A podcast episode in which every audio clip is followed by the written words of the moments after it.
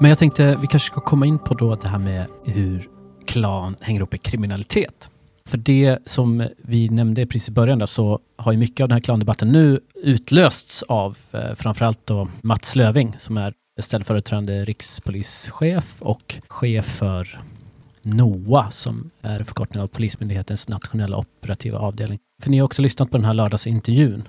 Ja, precis. Ja, Nu har vi pratat om olika perioder där det har varit debatt om klan, men nu är det ju, det senaste är ju när han intervjuades och pratar om organiserad brottslighet och eh, i intervjun så ja, pratar de ju liksom hur svårt det är att komma åt och sen under intervjun så kommer ju han till ett tillfälle där han börjar prata om att det finns 40 släktnätverk som är ansvariga för stora delar av gängkriminaliteten i Sverige. Ja. Och han kallar det uttryckligen för klaner. Just det, klanbaserade kriminella nätverk. Jag vet inte vad ni tycker om hur det låter. Låter det för er som att det kommer lite så här plötsligt? Så där, för hon som intervjuade honom, hon reagerade lite och blev väldigt så oj, det var, ja, det var lite kontroversiellt det där. Är du säker på det? Och lite, hon reagerade lite Mm. sådär och ställde följdfrågor Mm. och så. mm. Men visst var det hon som hade det i frågan? Alltså hon frågade ju om det här med släktbaserade Mm. kriminella nätverk. Det är sant, och, och sen bröt han liksom igenom där direkt med att kalla det klaner på en gång. Liksom. Men framförallt det som gjorde att hon högg där direkt, det var väl också framförallt att han pratade om att de hade kommit hit enbart på grund av att de vill begå brott. Ja, liksom. just det. Eller, Just, det är sant, det är båda båda då de högg hon på det liksom. Precis. Hon hade börjat komma in på släktbaserade organiserad kriminalitet. Men det var också liksom att eh, hon reagerade på just att det var så specifikt, men också som han då säger, jag vet inte om han säger enligt mig, men han säger ju också att de pratar ju om att de har ju någon liksom hemligstämplad information som han utgår ifrån, Ja. som Ja. han nämner såklart. Um, Men- men, också, precis som, som du säger med, så nämnde han ju då att de här har specifikt kommit till Sverige för att utnyttja liksom situationen och eh, syssla med organiserad brottslighet helt enkelt. Men det jag tänkte på, um, hans första intervju där i lördagsintervjun i P1 blev eh, lite förtydligad. Det var väl typ en, två veckor senare som han blev intervjuad i Agenda igen. Och då så sa han ju väldigt så specifikt när eh, journalisten Camilla där ställde frågor om det här uttalandet i lördagsintervjun. Citat. Eh, ja, men vi har bedömt att nu är det dags att öppna dörren till den diskussionen. Och liksom det tryckte han på flera gånger. Och då Mm. förstår man ju, alltså jaha, eh, det här har du vetat om länge, ni polisen har jobbat med det här länge, men dörren har varit stängd till diskussionen. Och det har inte gått att prata om det här, men det är ju egentligen det han säger, att så här, men nu liksom är det läge i samhällsdebatten att öppna dörren till det här. Det är en intressant grej att notera. Och jag måste bara säga att i, han Mm. säger, avslutar också i intervjun i Agenda att säga så här, och när vi pratar om klan och att det finns eh, kriminalitet i vissa klaner så menar jag också i relation till problem med klan att vi måste öppna dörren till en diskussion om problem som handlar med klan utifrån andra perspektiv. Kvinnors rättigheter, synen på kvinnor, hederskultur, synen på sexualitet och så vidare. Och han trycker Mm. på det och säger att så här, nu är det dags att öppna dörren till den diskussionen också. Så att så här, jag håller med dig David, jag tycker det var väldigt tydligt i båda intervjuerna. Det här är liksom någonting som de verkligen har laddat för. Det här är verkligen så genomtänkt. Samtidigt så backar han ju också från sitt eget påstående där Mm. med att de har kommit med avsikt att Ja. begå brott. Så det backar han ju från i Agenda och Mm. säger att man kan inte riktigt veta vad människors avsikter är och så vidare. Så att det, det blir lite nyanserat där i alla fall. För Mm. det, det, upplevdes ju som, som väldigt onyanserat i påståendet. Eller som att, uh, är det verkligen så? Även många experter på området som Per Brinkemo och andra som de funderar, men har alla de här nätverken kommit hit med, med avsikten att begå kriminalitet från Mm. början? Liksom, eller? Precis. Nej men precis, och att han nyanserar sig också ytterligare i agendadiskussionen. Han säger så här, kriminella personer som använder klanen som en plattform för att bedriva kriminella, liksom, bla bla bla. Och han är tydlig med att så här, alla i den här, äh, de här klanerna är ju inte kriminella. Så att han nyanserar sig lite Mm. mer senare. Hans formulering där när han backade känns ju lite som att han mer gick in på att ja, vi kan ju inte veta deras exakta avsikt. Men det låter lite för mig som att han menar fortfarande att nej, men jag har fortfarande uppfattningen att Ja, och han sa ju också att de, många av de här har kommit hit i syfte Mm. att begå brott. Mm. Va? Så att, de, att avsikten fanns där från början. Och sen åker man hit till Sverige och så begår man brott. mm, det. Mm. Men, men, men anledningen också till att det, det blir kontroversiellt, det tror jag ju att är det på det sättet att alla de här klanerna har funnits på någon annanstans i världen, Mm. på andra ställen i världen, innan de kom till Sverige, de har avsikten att begå brott i Sverige. De åker till Sverige, de begår brott. Mm. Alltså om det skulle vara sant, nu tror jag inte att det kanske är nödvändigtvis helt sant, men skulle detta vara sant, det skulle ju slå krokben för hela den vänsterlagda analysen av hur brott och kriminalitet uppstår. Va? Mm. I och med att då kan man ju inte prata om faktorer som handlar om Sverige, alltså den svenska kontexten, Nej, på samma precis. sätt. Socioekonomiska. Nej, men om det är boendesegregation, skola och så vidare som är de drivande faktorerna, alltså den förklaringsmodellen, den faller ju platt om det visar sig att de här nätverken åker ju till Sverige med intention att begå brott. Mm. Självklart begår de brott, men är förklaringsmodellen istället att det är de sociala faktorerna som är drivande, Mm. så blir det ju det här ett, eh, vad ska man säga, det, det är klart att det, att det blir ett kontroversiellt uttalande Mm. om man är på den sidan i debatten. Absolut, det är mycket som står på spel såklart. Ja, Mm. Mm. jag tänker att det är, ju, är väl en förklaring till att det blir sånt stort liv kring det hela så att säga. Mm. Jag jag märkte andra reaktioner på det vad gäller just den här intervjun eh, med Mats Löving som i faktiskt, nu ska jag nämna en podd där då, En varg söker sin podd som är väldigt populär, speciellt i vissa kretsar. Och det var väldigt fascinerande att lyssna på den här Caroline Ringskog tog upp det här. Och hon hade ju en ganska intressant liksom, perspektiv. Hon ville diskutera angående att fantasin är lite död i vår kultur då. Men att eftersom vi, vi är ju, har ju alla behov av fantasi, men den är liksom lite död i vår kultur för att samhället är väldigt sådär, ja, saker och ting ska, måste vara realistiskt och hit dit. Ja, det kan ju vara intressant idé att, att diskutera, men du, du använder på så himla konstigt sätt. Och då tyckte hon att den här Mats Löfving-intervjun, det är ett exempel på det, när det här med fantasin poppar upp på andra ställen. För hon menar på att eftersom vi lever i sån kultur så kommer fantasin poppa upp på lite andra ställen. Eh, Jag Ja, förstår inte ens. Nej, det, Nej men hennes teori, jag lyssnar också på den podden, hennes teori, att fantasin är en konstant i, i, i mänskliga samhällen historiskt. Va? Så idag så, är som att den så är den undertryckt Ja, liksom, och att den, i och med att det är så då, ja, ska man säga, den får inte utlopp idag på samma sätt som den kanske fått utlopp tidigare. Mm. Så idag så dyker den upp i oväntade sammanhang. Liksom. Mm. Och då är det här med eh, polischefens intervju ett av de sammanhangen som hon nämner. Hon nämner flera sammanhang då, även i transdebatten, jag vet inte Ja, vad det är mer, exakt. Ytterligare, ytterligare något. Ja, men jag, jag försökte bara säga att jag tyckte, jag försöker vara, vara liksom välvillig i att det kan vara en intressant idé att prata om i sig. Men jag tycker det är så otroligt lustigt att hon tycker att det här exemplet på Mats Löving är ett exempel på det, Mm. på en fantasi som poppar upp. Om, ja, men hon säger liksom att, ja men det, då drar han till med det här med att det finns 40 kriminella nätverk. Uh, ja, Jag har inte lyssnat på det här, men det låter Ja, men det ju... Ja men det är bara ett exempel på att det är så extremt avfärdande. Det är liksom Jag så tycker det att låter som att hon har väldigt mycket fantasier. Exakt, det gör det ju. För det första vet jag inte vad det är för bubbla hon lever i när hon tänker liksom att, tror hon verkligen att han bara sitter och hittar på? För hon säger ju helt tiden, ja fast i och för sig han har ju någon, någon slags underrättelserapport han utgår ifrån. Vi, Jo men det roliga, det roliga är också, förlåt att jag avbryter där, men det roliga är också att, han, att hon har ju teorin om att han egentligen är avundsjuk på Danmark. jo, För Danmark löser mycket mer brott i sin poliskår. än så, så, när han är så här avundsjuk, men ja. alltså, danskarna är så mycket bättre än oss. Och sen Just så det. är det som att han inte kan säga det, så då drar han till med det här istället. Ja men liksom apropå det, vi pratar istället om det här. Mm, eh, låt oss nämna de här klanerna. Mm, Just det, det är precis, hon kopplar det till det. Men och det är det jag tycker är så fascinerande att man kan, jag, jag har så svårt att förstå det liksom, för att man hör ju på henne liksom att hon sitter bara och killgissar tycker jag, så uppfattar jag i alla fall.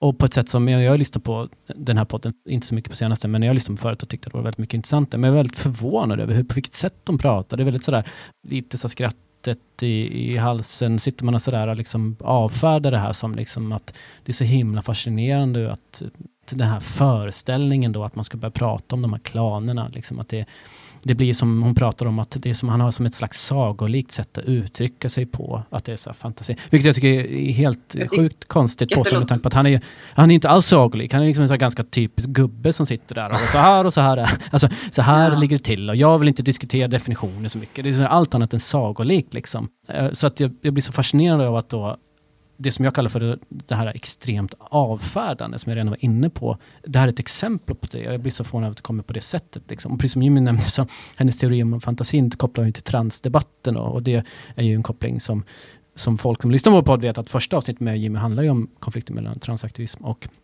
radikal feminism. Men det får ni gå och lyssna på. Men det är bara fascinerande att hon gör en koppling dit också. På ett väldigt konstigt sätt. För hon tycker liksom att, att inte liksom förstå att transkvinnor också är kvinnor. Att man tänker sig att man man kan liksom inte vara kvinna på olika sätt. Det är som att man har dålig fantasi. Ja, precis. Ja, jag tycker bara det var väldigt roligt för att jag tycker att man kan ju lika bra vända på och säga att liksom radikalfeministens kritik av en viss typ av transideologi kan ju också tolkas som att det är de transaktivister som har jävligt dålig fantasi med tanke på att de tänker att om ett barn börjar gilla saker som är så här könsstereotypiskt, en pojke gillar saker som är könsstereotypiskt flickigt så, så är det en trans. Alltså det, är väl, det tycker jag så krävs det ett könsbyte. Ja, det krävs ett könsbyte. Liksom. Ja, men det är bara ett exempel på hur, hur liksom, Liksom, den här idén är liksom, säger ju liksom ingenting. Så att jag tycker det är fascinerande. Men sen kanske det är det som är poängen med den här podden nu för tiden, att man, de sitter liksom bara ska ju tänka lite. Men det finns, jag tycker den det får konsekvenser. Så folk som lyssnar på den här podden, jag, jag tror att de har ganska hög status. Jag tycker det är fascinerande att hon har sån avfärdande och ganska konstig idé om det. Och så kan man också se det, det precis som i Amerika, Vera Savala, som bara avfärdar den här boken och familjen. Men det är bara hon skriver liksom, människorna i Angered har återigen fått sin vardag fiktionaliserad av en vit journalist som har problem med verklighetsuppfattningen. Alltså, hon använder också begrepp som att det finns ingenting i det här som är relevant. Mm. ungefär. Jo, men jag lyssnade på medierna i P1. Det var um, i anslutning till allt det här i höstas. Och då um, så pratade de om just det här och så intervjuade de Amerika Velasavala och Johanna. Och det var liksom två separata intervjuer som de liksom så klippte emellan. Så de hade inte samtal med varandra, även om de fick det nästan att framstå som det. Och då så... Får jag fråga bara, var det för att de inte ville ha samtal med varandra? Jo, det vet eller? jag faktiskt inte. Nej. Okay. Det var inte... Det framkom inte. Ja, men, och då så sa jag Amerika det här att hon tyckte Johanna överdrev något fruktansvärt. Hon känner många i Angered som inte alls är rädda för den här klanen. Och, och liksom, ja men det här det är liksom den, den förortsfantasi så. Och Johannas svar på det, det var väldigt ödmjukt får man lov att säga. Hon var ju såhär, ja jag kan förstå utifrån hennes liksom, kunskap och utifrån hennes perspektiv att det kan te sig väldigt, väldigt otroligt men hon sa det på ett väldigt ödmjukt sätt men det var ändå liksom en tydlig markering. Men hon har ju liksom, jag har ju väldigt mycket kunskap och jag har ägnat väldigt mycket tid kring att sätta mig in i det här. Så kontentan var väldigt mycket så här, jag har rätt och, och, och hon har fel. Liksom. Det mm. handlar om kunskap. Hon har inte mm. den kunskapen som jag har. Ja, precis, mm. det, det tycker jag är intressant, vad hon uttrycker sig att ja, men det här, den här skriva den här sortens fantasy. Alltså, jag förstår att det är så här retoriskt, jag förstår att hon alltid ska vara så himla radikal och hon har en väldigt speciell publik som tycker att det är roligt med den typen. Jag förstår det, liksom hennes lilla bubbla sådär, men jag tycker det är så intressant när då, jag tycker det finns en koppling här mellan Caroline Ringskog också. Då, att det, Visst, det, det är ju ändå liksom någonting som får konsekvenser när man lever i en bubbla där man liksom inte kan diskutera att det kanske ligger någonting i det här. Sen kan man ju kritisera utifrån man vill ha liksom en, någon typ av kanske vänsteranalys eller något sånt där. Men att man bara ska avfärda det som det bara fantasy eller något som man bara skrattar åt, det är bara fantasier. Mm. Och tredje exempel är podd som heter Kalifatet, för att de tog upp det. De, det med Rashid Musa och någon, någon till som inte vet vad det heter. Men det är också ett tredje exempel på det här, att man bara totalt avfärdar det. Och de är ju så väldigt, jag vet inte hur man ska beskriva dem, men det är också väldigt, de är väldigt så postkoloniala i sitt perspektiv. Och eh, det påminner mycket om den här, eh, de här recensionerna som vi pratade om, det är lite samma perspektiv, liksom, att ja, men det här är ju egentligen bara rasism och sådär. Och de pratar ju på samma sätt om det här. Att, ja, Per Brinkemo till exempel, han skrev en bok 2014, Mellanklan stat, och det var ingen som tog honom på allvar då, säger de först. Och när man lyssnar så tänker man så här, ja men just det, menar ni det som någonting, att ni sympatiserar med det eller så? Men sen när de kommer till poängen då, angående det du sa, att Per Brinkman nu sitter i tv-studion och så vidare, och så, vidare mm. så tog de också upp det och menar att vi ser att det har skett en förskjutning. Det vill säga, och så, så säger de verkligen så här, ja det här betyder ju inte att det ligger någonting, att han har rätt i sitt perspektiv. Alltså det här med att eh, klan spelar roll och krock mellan klan och stat som vi varit inne på. Nej men det är inte det det handlar om, utan det handlar om att andra har liksom förändrat, har samma föreställning nu. Så de har också mm. samma avfärdande förhållningssätt helt och hållet och menar liksom att det, det, är bara det här att, att, alla andra har blivit mer rasistiska också.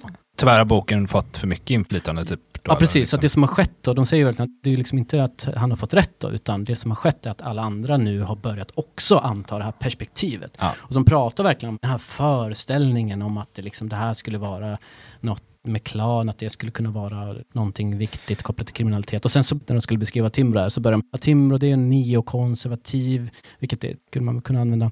Extremkapitalistisk säger de sen, vilket ja, kanske det var lite till. Och sen sa de, jag som bara pumpar ut rasistisk propaganda. oj, oj, oj.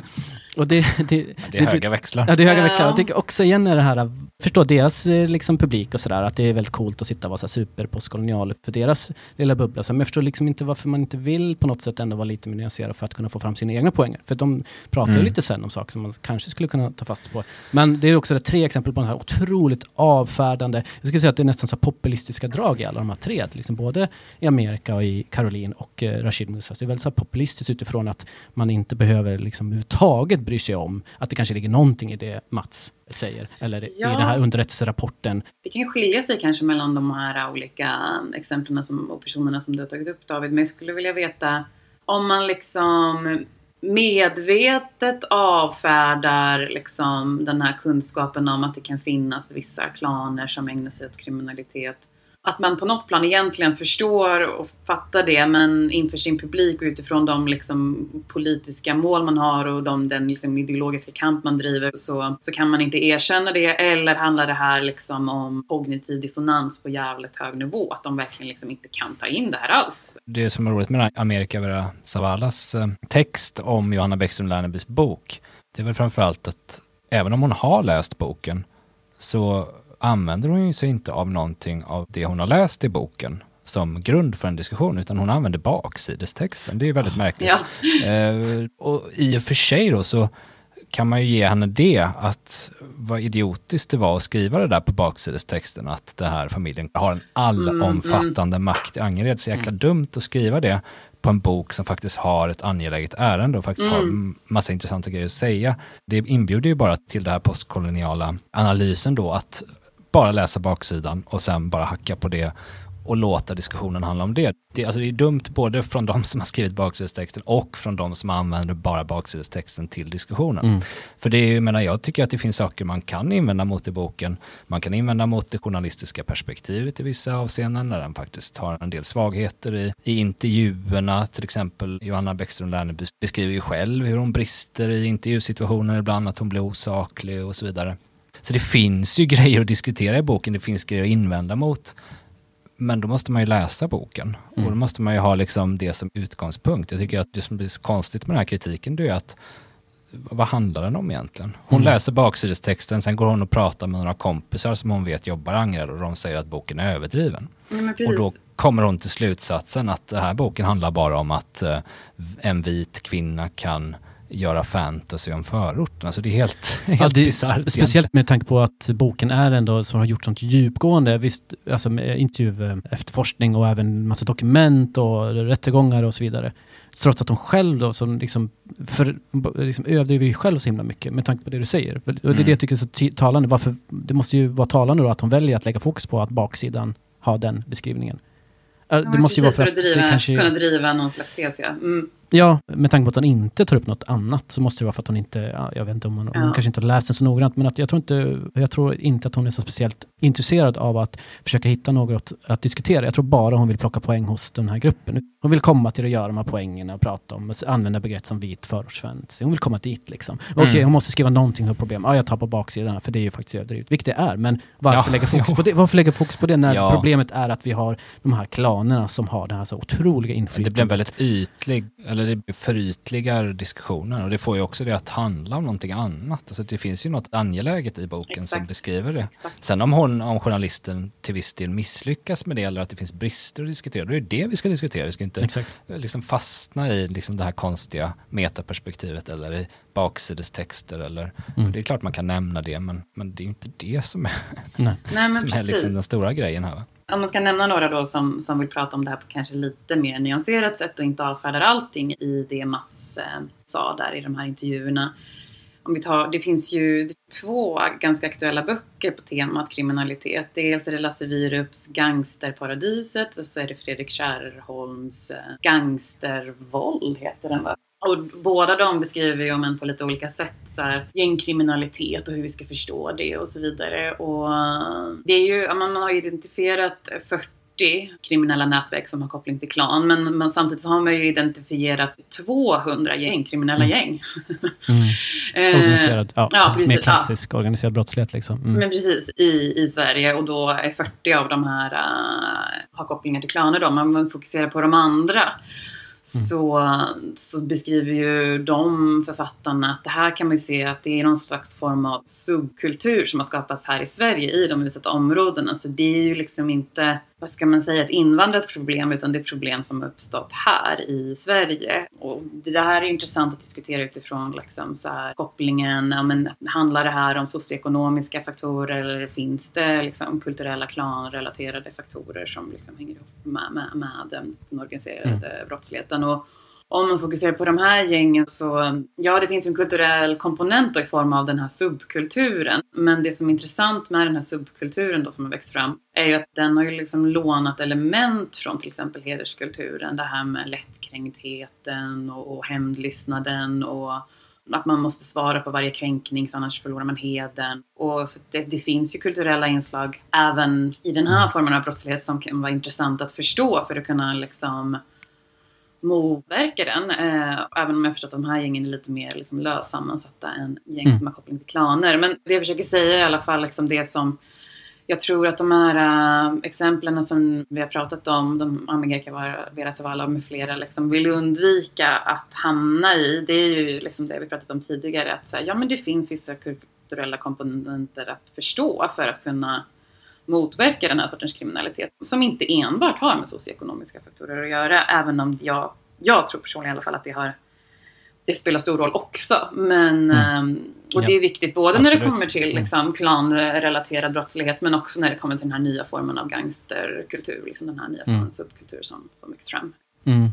Och även inom liksom den här mer sociologiska kriminologin så tittar man väldigt mycket på just grannskap, familjer, kamratskapskrets. Alltså de faktorerna spelar jättestor roll. Liksom. Alltså mer nätverksteoretiskt perspektiv. Alltså att kriminella nätverk eller familjer som är kriminella, det i sig är ju en faktor som förklarar väldigt mycket varför andra som ingår i de nätverken eller ja, att man liksom kommer in i det. Men familj trycker man jättemycket på. Liksom. Och sen så måste man nämna ett exempel till. Då. Det finns ju en forskare som heter Amir Sarjaslan. Han trycker jättemycket på att nej, man, man har investerat alldeles för mycket i idén om att det är socioekonomiska faktorer. Mm. Och det kommer leda till att vi inte kommer att få bukt med det. Han tittar lite mer på, på lite mer ärftlig nivå. Han är forskare i psykiatrisk epidemiologi. Då vid Helsingfors universitet. Men jag tycker bara det är intressant för att jag inte sett någonting om honom utan jag själv gör lite efterforskning så säger jag att han har ju varit med och gjort en studie i Sverige som då har publicerats på engelska som är jätteintressant eh, resultat och det handlar jättemycket om det här men det är ingen som har nämnt det. Den enda tidningen som jag hittade, det fanns väl någon artikel i Expressen, men så hittade jag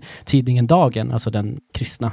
De hade intervjuat honom där trycker han mycket på det, men kriminalitet beror inte på fattigdom i sig, utan han skriver verkligen att man har investerat för mycket i den analysen och jag måste bara säga att han trycker väldigt mycket på just att titta på, på familjeförhållanden. Han tittar mycket på arv och miljö såklart, som en god forskare. Men ja, jag vill bara nämna det, för att mm. man ser ju i den här forskningen att det verkar vara väldigt viktigt med just den här sociala processen med nätverk och familjer. Mm. Mm. mm.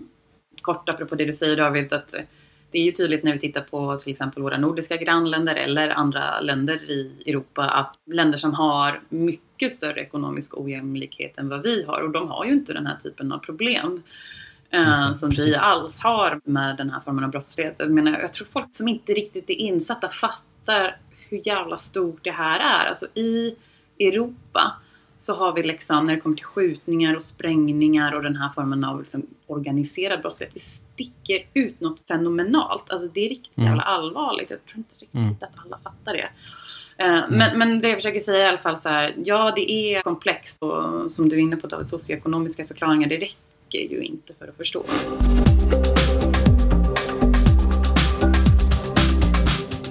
Alltså jag tänker, men, men alltså, det kan ju också vara viktigt att koka ner, vad är det i klan som samhällsorganisation som har betydelse för den här typen av kriminalitet vi ser då, som, som diskuteras? Mm. Vad är liksom klanelementen? Och då tänker jag att det som ni har varit inne på här då, kollektivet i fokus. Mm. Visst, det finns drag av det även i den andra organiserade brottsligheten. Det finns ju tre typer då, mc-gäng, löst sammansatta nätverk och släktbaserade nätverk. Mm. Och i alla dessa tre då finns det ju säkert olika inslag av kollektivism, men den är ju inte så stark, eller den, den får ju sin största betydelse framförallt i, i klannätverken.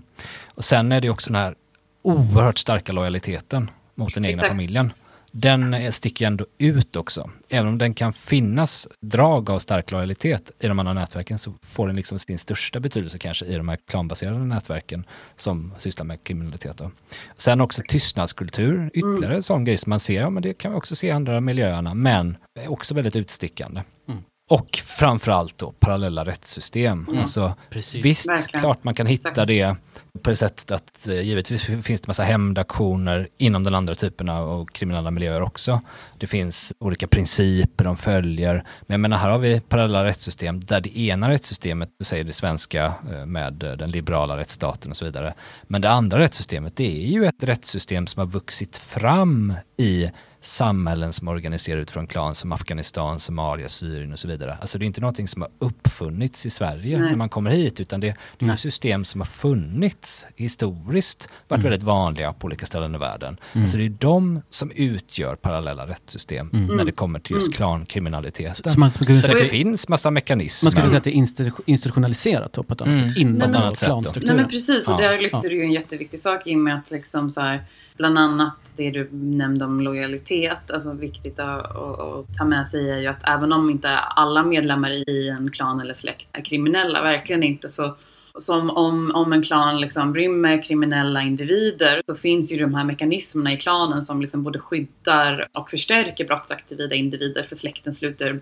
upp bakom sina killar. Det finns en enorm lojalitet som man inte bryter med. Man blandar inte in utomstående liksom, i de här äh, konflikterna och som Precis. dyker upp. Och det är ju inte Apropå liksom att man måste förstå att det är ju ingenting som inte alltid i alla fall sker liksom så medvetet att bryta mot den svenska lagen utan det här är ju liksom logiskt utifrån den bakgrund man har. Det är så här man alltid har gjort. Man löser problemen själva inom klanen.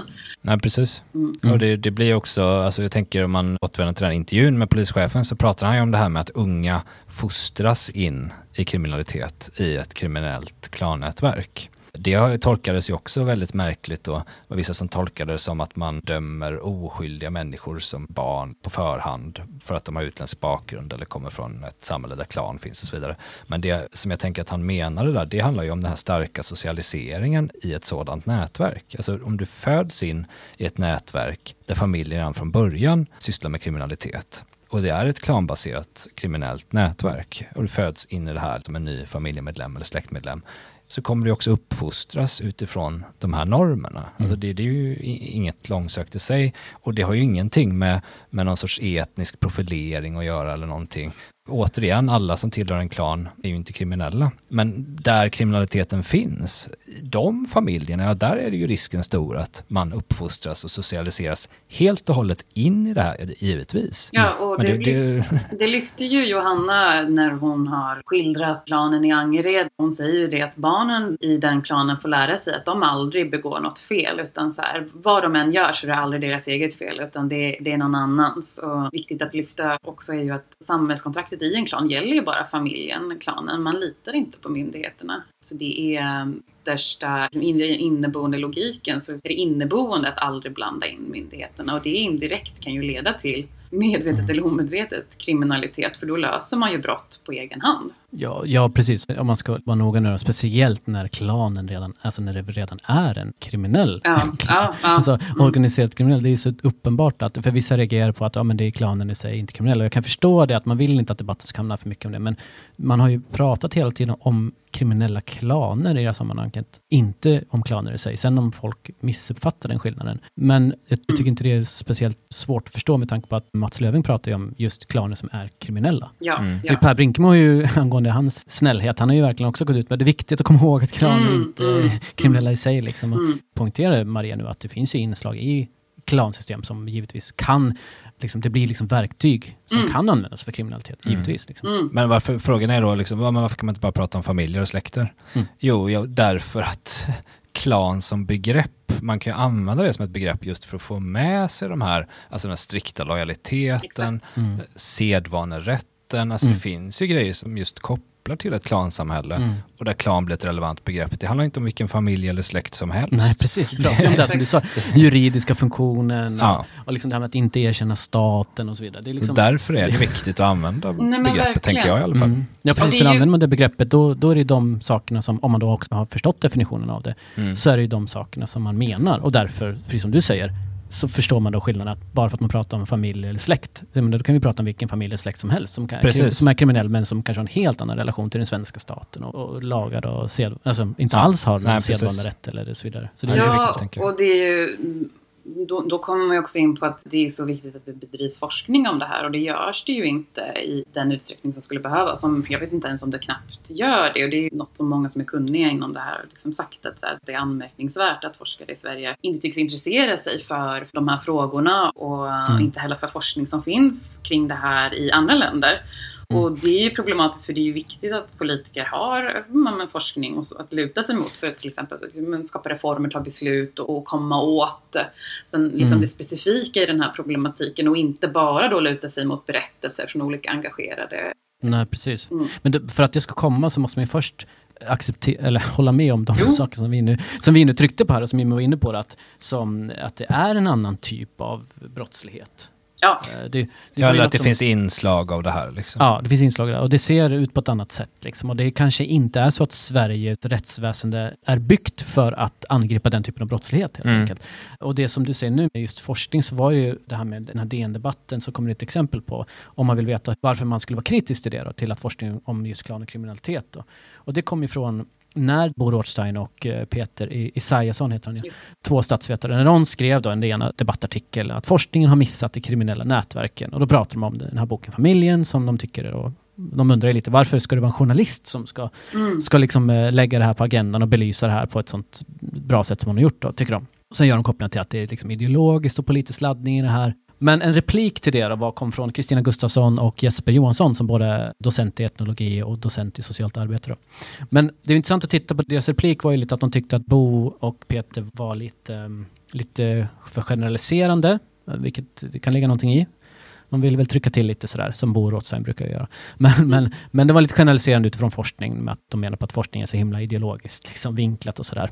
Men och så tyckte de också att, ja men ur ett längre historiskt perspektiv så ser vi att den här forskningsluckan som Bo och Peter pratar om, de tyckte på att ja, men det är bara de här senaste årtionden som det eventuellt inte drivits forskning om klaner och så vidare. Vilket låter lite konstigt för att det är väl ganska lång tid.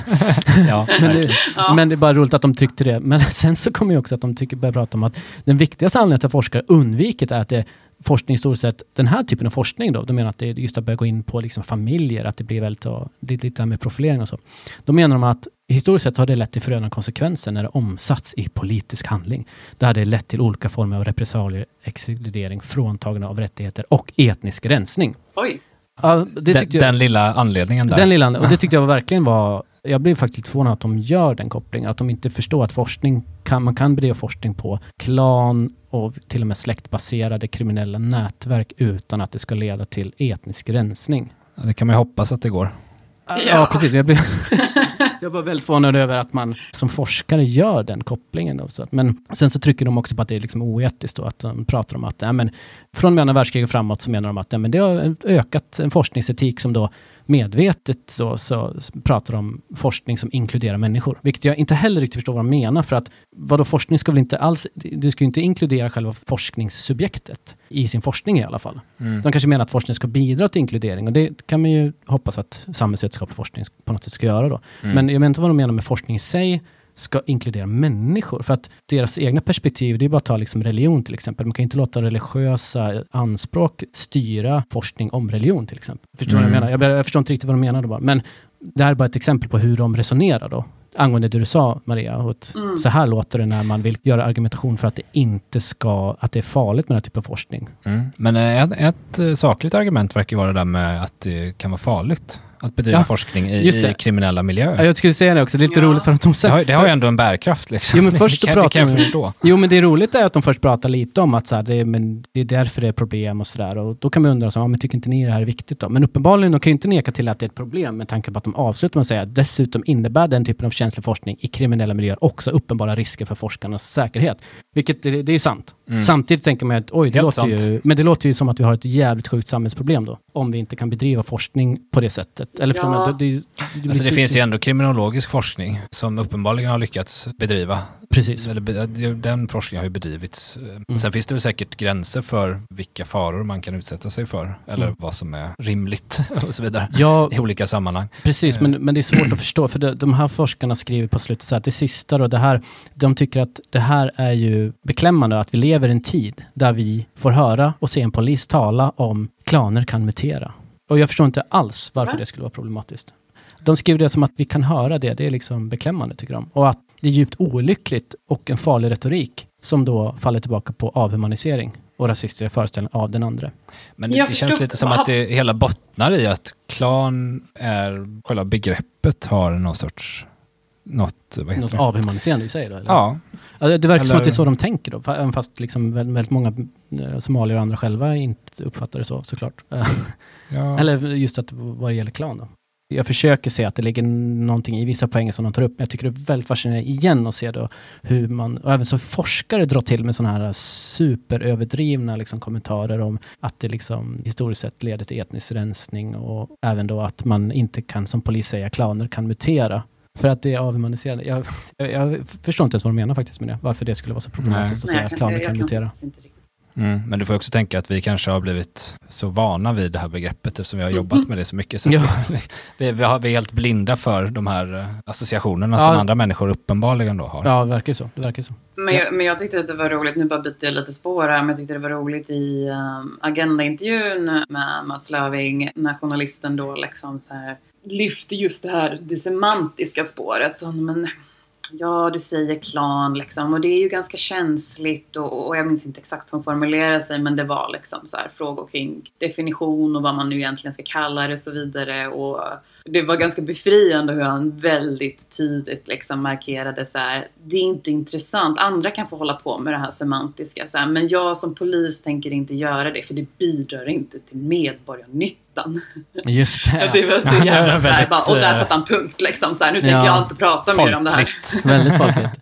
ja, det var, jag hörde det också. Det var väldigt roligt. Det var, han gjorde sig tydligt vad hans, hans jobb är. Då. Mm. Men Ja. forskare däremot borde ju syssla med definitioner och även eh, samhällsdebattörer bör det. Och det har ju vi tryckt på mycket nu, varför begreppet här och varför begreppet klan är viktigt. Ja. Jag blir bara, igen, som jag tycker jag, jag är lite förvånad över att de här forskarna som de nämnde på något sätt också har det här andra perspektivet och att även andra samhällskommentarer som varit inne på, att de fastnar så mycket, så himla mycket i den här metadebatten och som Mm. det kallas. För det har ju, precis som du sa med, med heder, så, är det ju, så var det ju nu också i relation till den här Mats Löfving, så har det ju fastnat väldigt mycket fokus på att vissa är så här, ja, vill liksom vara kritiska till att Ungefär som att det inte skulle gå att definiera så också. Att, ja men vad menar man ens med klaner? Vad menar man ens med klaner? Ungefär som att det i sig skulle vara en poäng. Ja men du, du ser ju här vad man menar. Men Ja, kolla på exakt. vad de här klanforskarna som tittat på. De har ju beskrivit klaner och de har definierat klaner. De har tryckt på varför det är viktigt. Mm. Och ändå så låtsas man om, som att det är problem redan där. Vi, vi kan liksom inte ens definiera det till exempel. Ja, nej, hemsidan. Mats kanske hade fel. Det var inte dags att öppna dörren till den diskussionen. Du,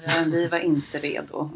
Nej, men det, det får vi se. Ja, redo eller jag inte, nu är debatten Det- igång. Ja, det, men precis. Nu, nu Det är ju- är debatten igång i alla fall. det- Får hoppas att ja, det kommer någonting och- sakligt ur den då. Och det är ju på mång, i, liksom i många stora dagstidningar och, och så vidare där det här skildras på ett nyanserat sätt och på ett relevant sätt. Så att det är ju inte alls som det var initialt om man tar hedersfrågan liksom i debatten. Nej. Så att det är ju mycket bra röster som verkligen får komma fram.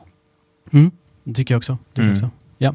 ja, vi kanske får anledning att återkomma till det här ämnet om, om debatten fortsätter. ja, det kanske vi får. Om inte annat kommer vi ju ha fler avsnitt i framtiden som har ja, närliggande, åtminstone, Teman. eh, teman. Ja. Vi har ju pratat om att komma in på hedersrelaterat våld och förtryck exempelvis. Mm. Vi har också pratat om att komma in på rasism och rasifieringsbegreppen. Det är, Ja, något, jo. det är något absolut. väldigt det. viktigt. Hur det används och hur olika, angående postkolonialism nu har jag varit inne lite på. Det är något som jag verkligen vill ha ett, jag kommer tvinga in er och ha något Mm. ett poddavsnitt om. eh, För postkoloniala aktivismen kan också ta sig uttryck på väldigt många olika sätt som är väldigt intressant att följa och analysera.